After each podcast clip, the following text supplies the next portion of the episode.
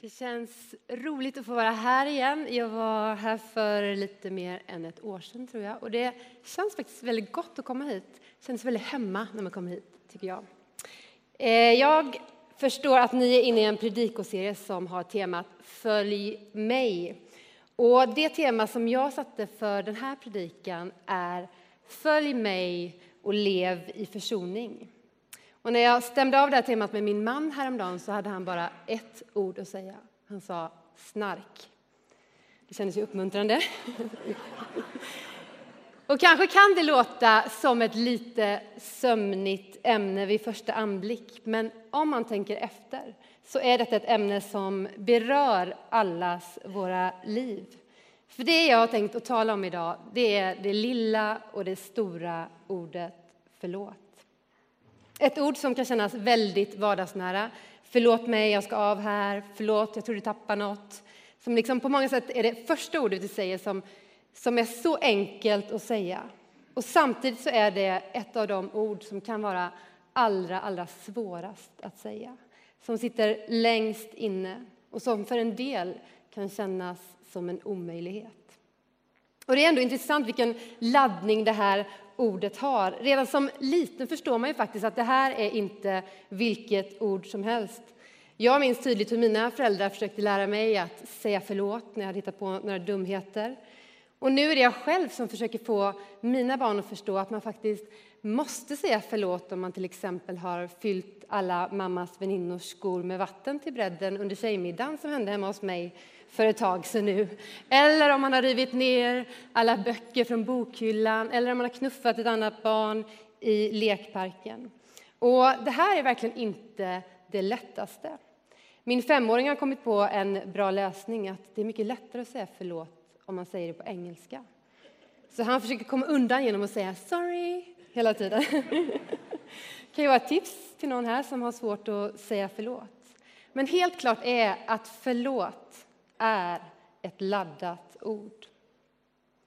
Säg nu förlåt. Jag tror att vi alla har hört det som barn. Och jag tänker att även om man ofta kände sig tvingad att säga förlåt så lärde man sig ändå att det här med förlåtelse, det är ett sätt att komma vidare, att sätta punkt och att få börja om. Och har ni tänkt på att förlåtelse det berör ju faktiskt alla de relationer som vi står i? Relationen till varandra, relationen till oss själva och relationen till Gud. Följ mig och lev i försoning. På många sätt låter det så självklart, åtminstone i teorin. Men när det kommer till våra egna liv och våra egna relationer så är det inte alltid lika enkelt. Behöver jag förlåtelse? Och behöver jag förlåta andra? Och om man inte vill förlåta då? Eller inte kan? Att närma sig ett sånt här ämne är rannsakande och det är inte bara lätt, men inte desto mindre viktigt. Följ med mig nu till Matteus 18, vers 21 till 35 och hör vad Jesus har att säga om detta till oss som vill följa honom.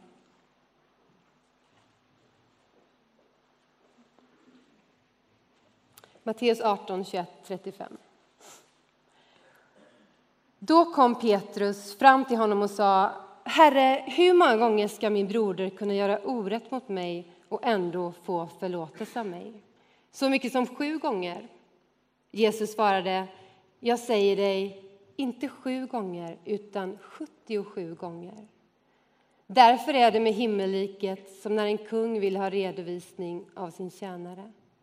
När han började granskningen förde man in en man som var skyldig honom 10 000 talenter.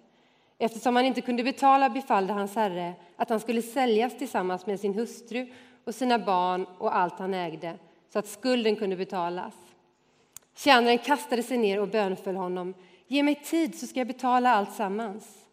Då kände hans herre medlidande med honom och lät honom gå och efterskänkte hans skuld.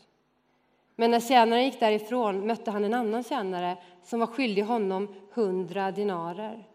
Han grep honom om strupen och sa betala tillbaka vad du är skyldig. Den andra kastade sig ner och bad honom ge mig tid så ska jag betala. Men han ville inte, utan gick därifrån och lät sätta honom i fängelse tills skulden var betald. När de andra tjänarna såg vad som hände tog de mycket illa vid sig och talade om allt tillsammans för sin herre. Då kallade denna till sig tjänaren och sa, din usling, jag efterskänkte hela din skuld när du bad mig om det. Borde du inte ha varit lika barmhärtig mot din kamrat som jag mot dig? Och i sin vrede lät hans herre bödelsträngarna ta hand om honom tills hela skulden var betald. Så ska min himmelske fader göra med var och en av er som inte av uppriktigt hjärta förlåter sin broder. En utmanande text, helt klart. Och när jag har gått och funderat på det här med förlåtelse i veckan så har jag faktiskt gjort reflektionen att det här är något som känns mer och mer angeläget ju längre jag lever. Och det handlar nog om att man genom det man möter i livet faktiskt lär känna sig själv. När jag var yngre så tyckte jag att jag ganska sällan behövde säga förlåt.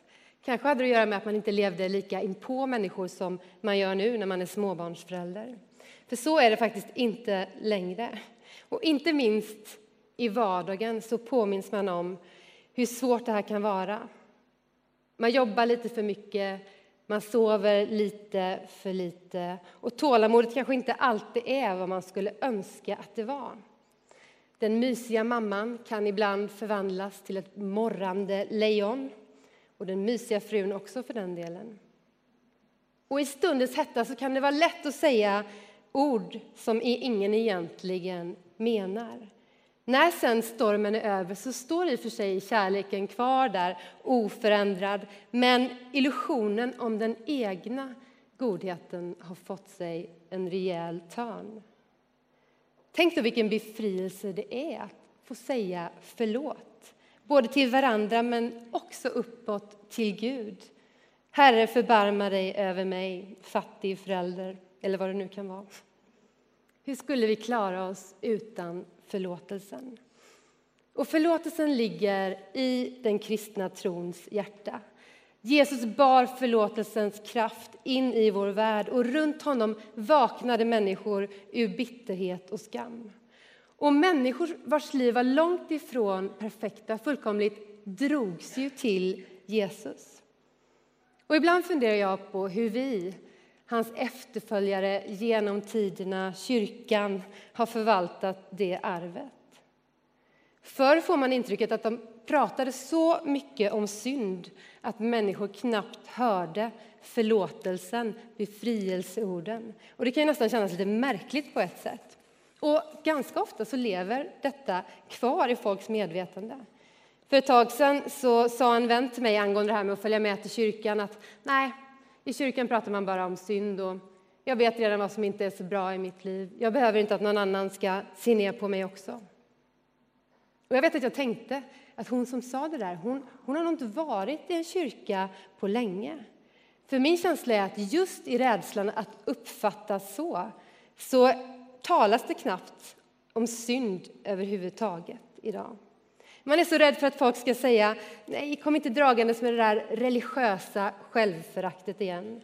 Eller man är rädd för att folk ska säga det där är passé, nu kan man gå i terapi istället. Dessutom tänker jag att många tänker att det inte behövs någon förlåtelse för det finns egentligen ingen synd. Och man kan ju önska att det var så. Ordet synd betyder att missa målet att faktiskt missa hur Gud tänkte att vi skulle leva våra liv. Och varje dag tänker jag när man öppnar Metro på morgonen så påminns man om hur många vi är som faktiskt missar målet. Dagligen rapporteras det om mord, våldtäkter, mobbing, chefer som fifflar med pengar och allt vad det kan vara. Och på senare tid känns det som att det varit extremt mycket av den varan. Det kanske beror på att jag läser Aftonbladet mest och där står det mest om sånt. Men, men ändå. Den här listan kan göras lång. Och ibland är det så att man inte behöver gå så långt som till tidningarna. Ibland räcker det faktiskt med att gå till sitt eget liv.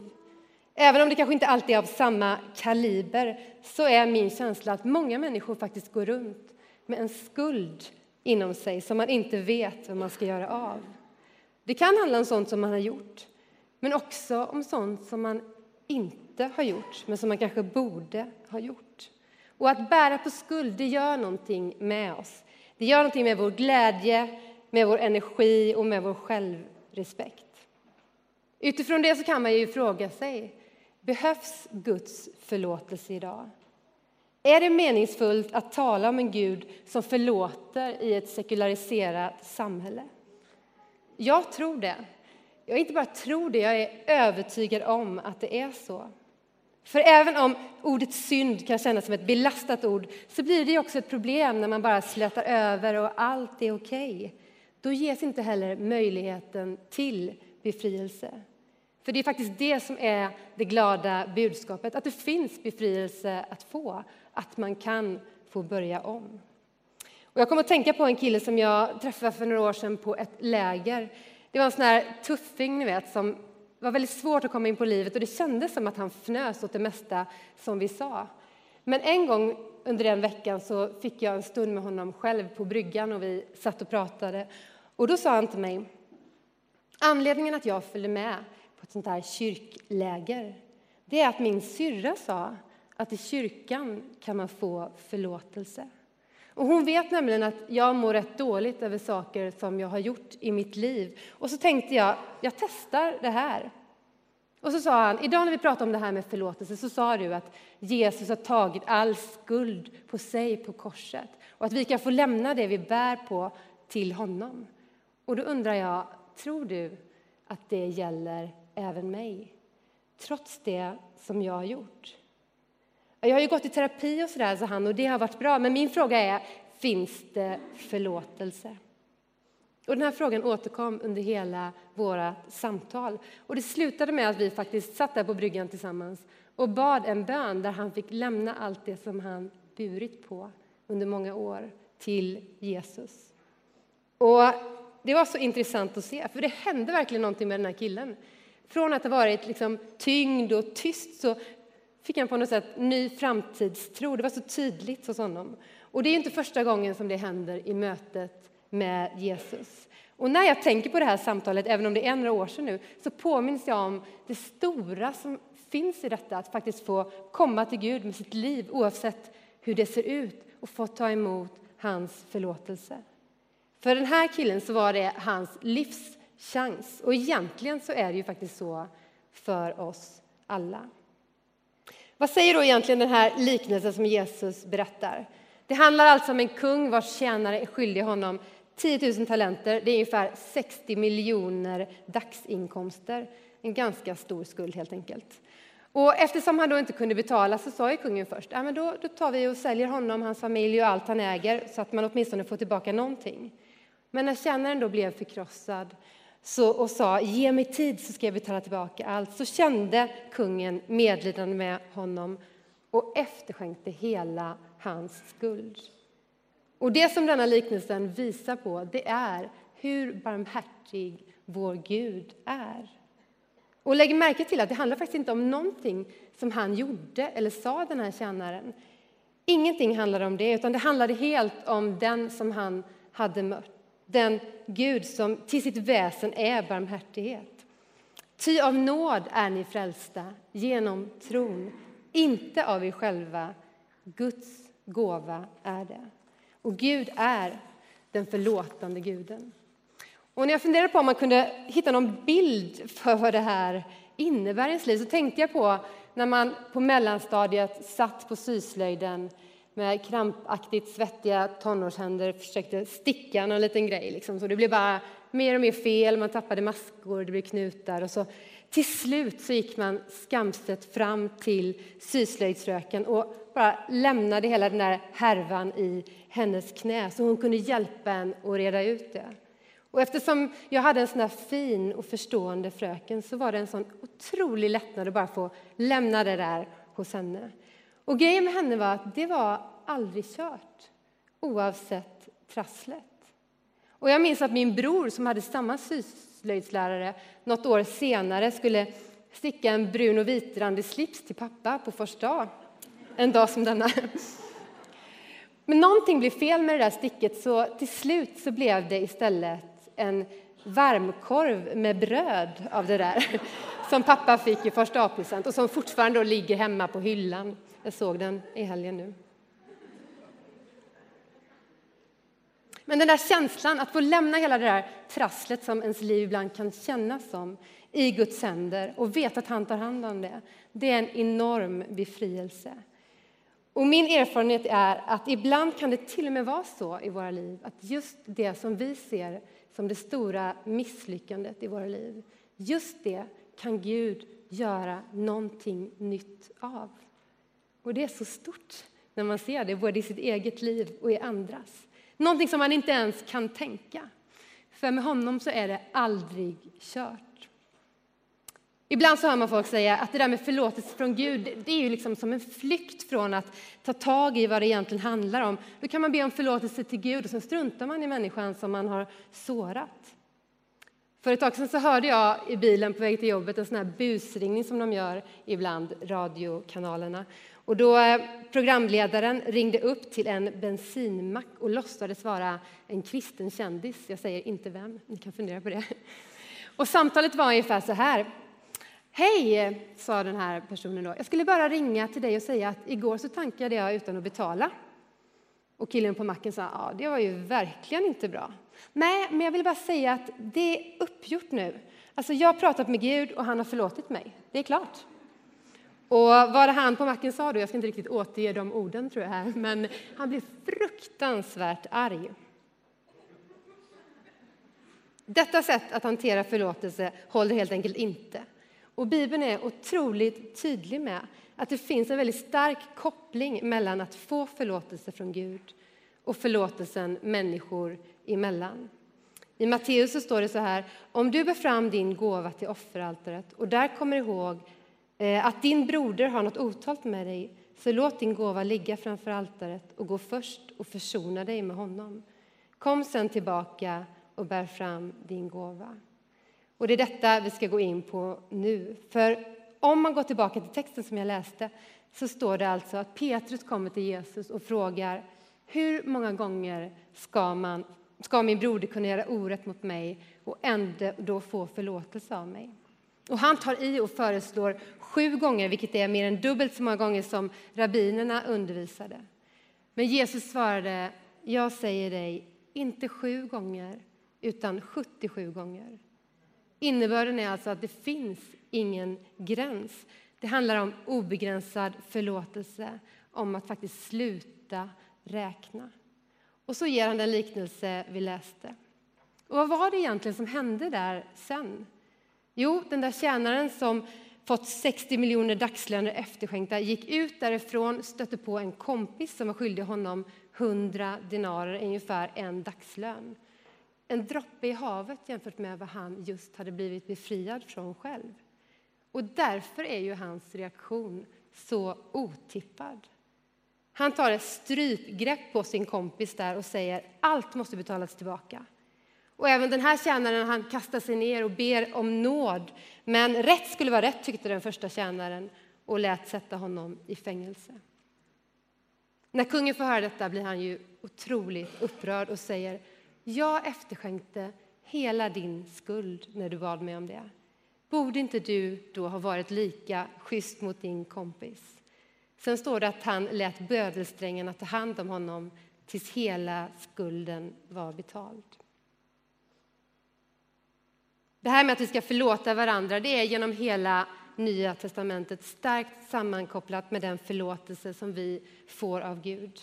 I Kolosserbrevet 3 och 13 står det Liksom Herren har förlåtit er ska också ni förlåta. Och vi ber det i Fader vår. Förlåt oss våra skulder så som och vi förlåta dem oss skyldiga äro.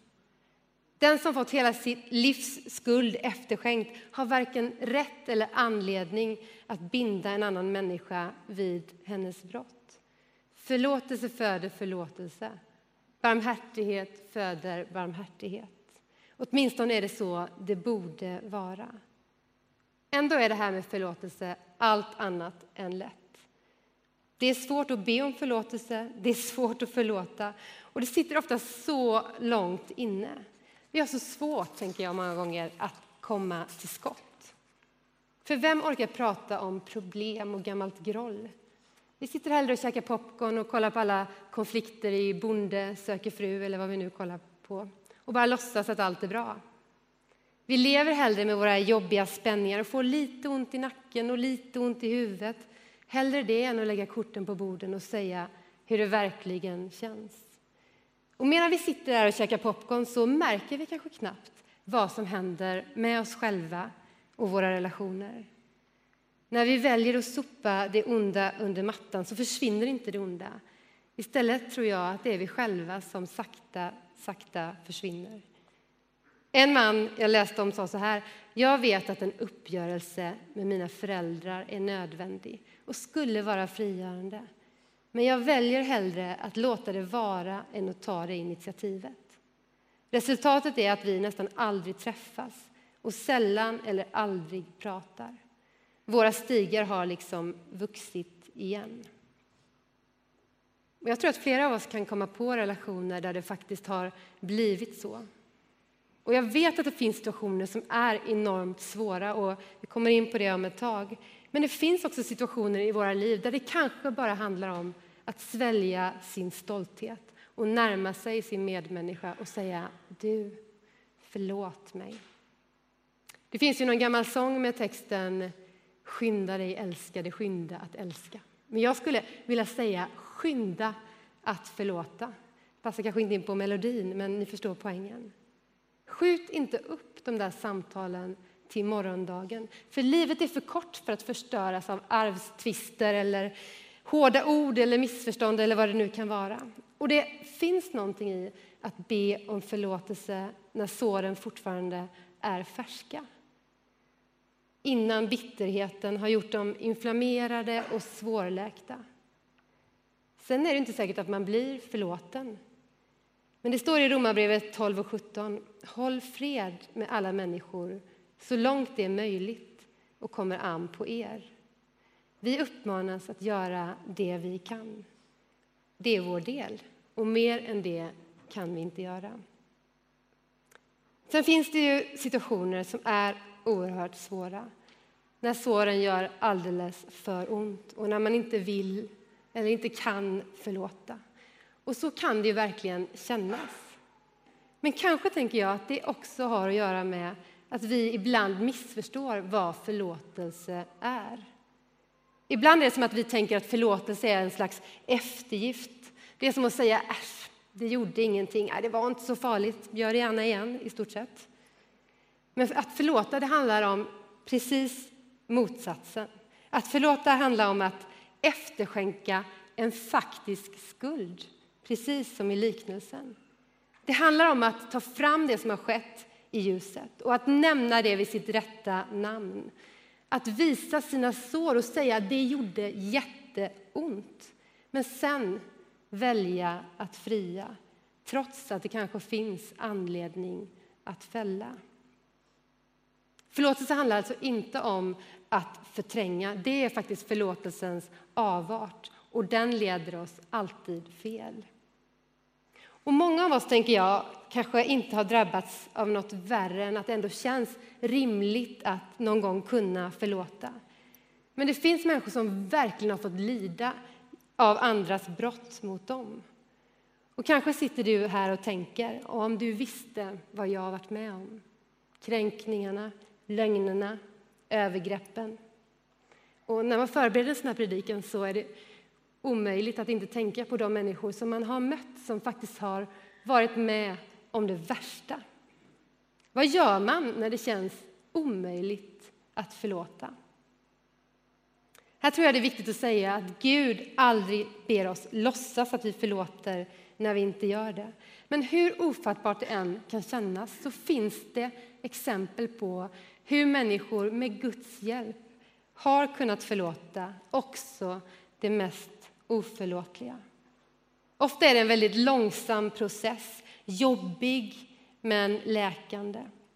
Och en person beskrev det så här, att det känns som att försoningsprocessen i hennes liv startade med att hon bildligt talat fick krypa ihop under korset med all den ovilja som hon verkligen kände inför den här situationen och vända sig till Jesus och säga Säg det du, för jag klarar det inte. Hon fick helt enkelt gå in under den bön som Jesus själv ber för sina bödlar. Fader, förlåt dem, för de vet inte vad de gör. Och den bönen bär fortfarande på en kraft som överträffar vår egen förmåga. Hon fick säga Hjälp mig, jag klarar det inte själv, jag klarar det bara med dig. Och Det är också min egen erfarenhet i livet. I en svår situation där jag kände mig enormt sviken av en vän.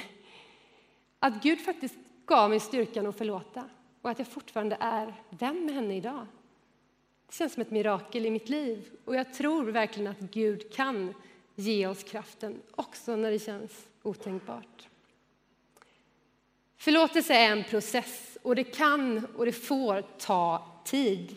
Men det som är bråttom det är att påbörja den processen, att inte lägga locket på. För jag tror faktiskt att förlåtelse i grund och botten handlar om ett viljebeslut. Att jag bestämmer mig för att förlåta, även om det kanske inte känns så. Och ändå är det så att ofta till slut så hinner hjärtat ikapp huvudet. Förlåtelse handlar väldigt mycket om att försona sig med tanken på att vilja försonas. Vi tänker ju ibland att förlåtelse är, ja, men det är att ge upp, det är ett svaghetstecken. Men jag tror att det var, jag tror det var Gandhi som sa någon gång, only the strong can forgive. Så tänker jag att det är. Och är vi inte starka i oss själva så kan vi bli starka i honom som ger oss kraften. Jag hörde nyss om en kvinna som, vars man hade varit otrogen. Och hennes man bad och bad om att få bli förlåten, men hon kände det är en omöjlighet. Det går inte. Men så en dag berättar hon att hon tog ett viljebeslut, ett tekniskt beslut som hon sa, att förlåta honom. Och den här kvinnan var inte troende vid det här tillfället, men hon berättar hur hon upplevde att det hände någonting i henne i den stunden som gjorde att hon helt och fullt kunde förlåta sin man. Någonting övernaturligt, så beskrev hon det. Och det var just det som gjorde att hon började närma sig tron. Hon förstod att det fanns en kraft som var större än henne själv. Och jag tror faktiskt att det är så. Det som Jesus gjorde på korset är så genomgripande att var och en som åberopar försoningen är med om någonting utanför sig själv. Förlåtelse kan vara något av det svåraste, men det finns någonting som är ännu svårare och det är att inte förlåta.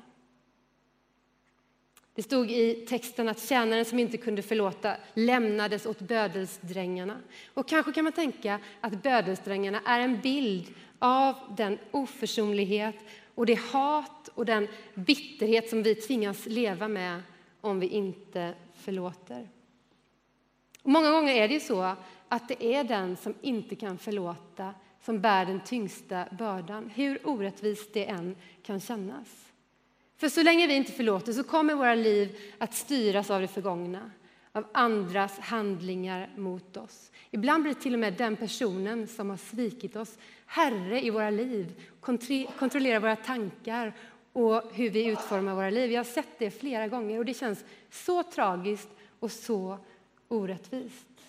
Men förlåtelsen är frihetens väg. Och någon har ju sagt förlåtelse är att låsa upp dörren och släppa någon fri och inse att fången var jag själv.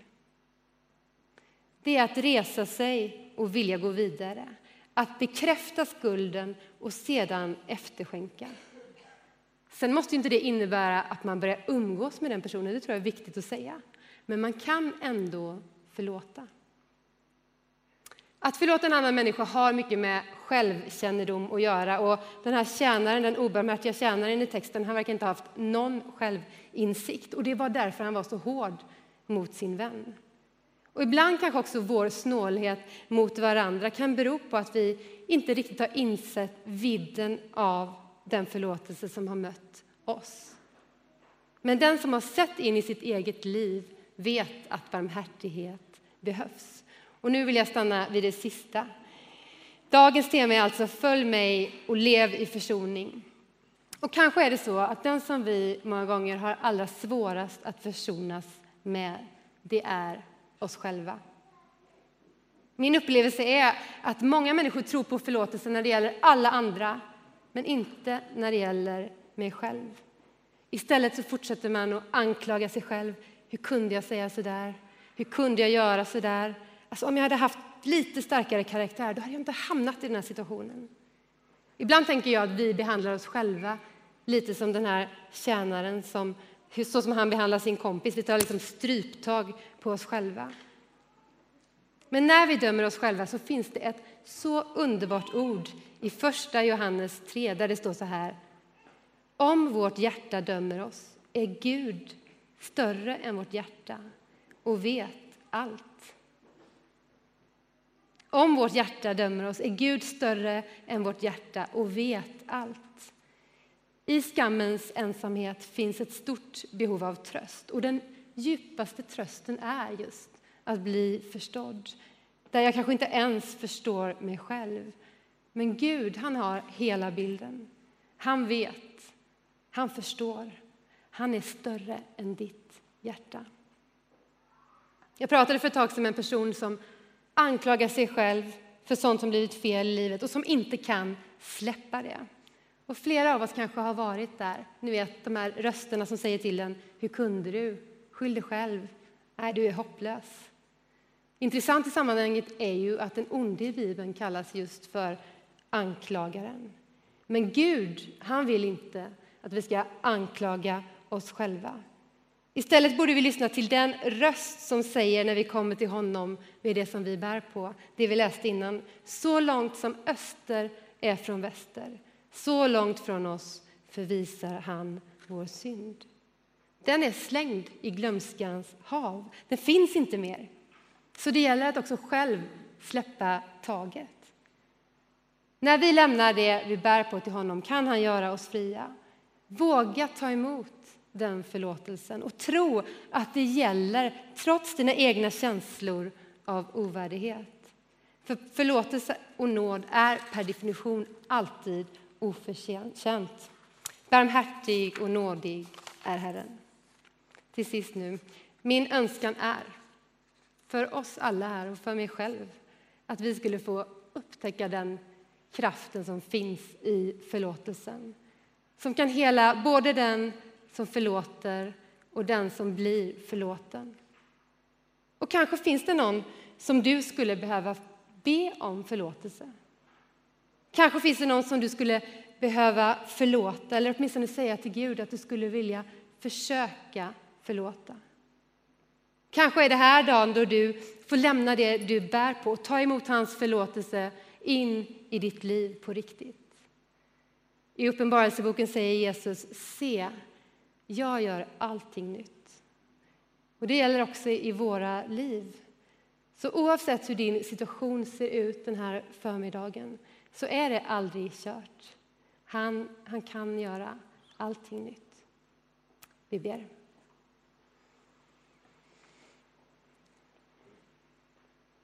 Herre, tack för ditt ord. Tack för den du är i våra liv. Herre, tack för din förlåtelse, för din barmhärtighet. Herre, jag ber för oss som är här inne just nu att vi skulle få öppna våra hjärtan och ta emot den på riktigt. Herre, jag ber också att när vi går härifrån, ut i vardagen, våra vanliga liv, i alla de relationer som vi har på jobbet, i familjen, bland vänner. Herre, hjälp oss att påminnas om allt det som du har gjort för oss. Och hjälp oss att se på andra människor med barmhärtighet. Herre, jag vill be särskilt för den som har svåra sår, som har blivit djupt sårad och kränkt av en annan människa. Herre, tack att det inte är hopplöst utan att du vill komma med din kraft och ditt helande till den människan. Tack att vi får tro att du går här bland bänkarna för att hela och upprätta och ge oss nytt hopp. Vi överlämnar oss till dig just nu. I Jesu namn.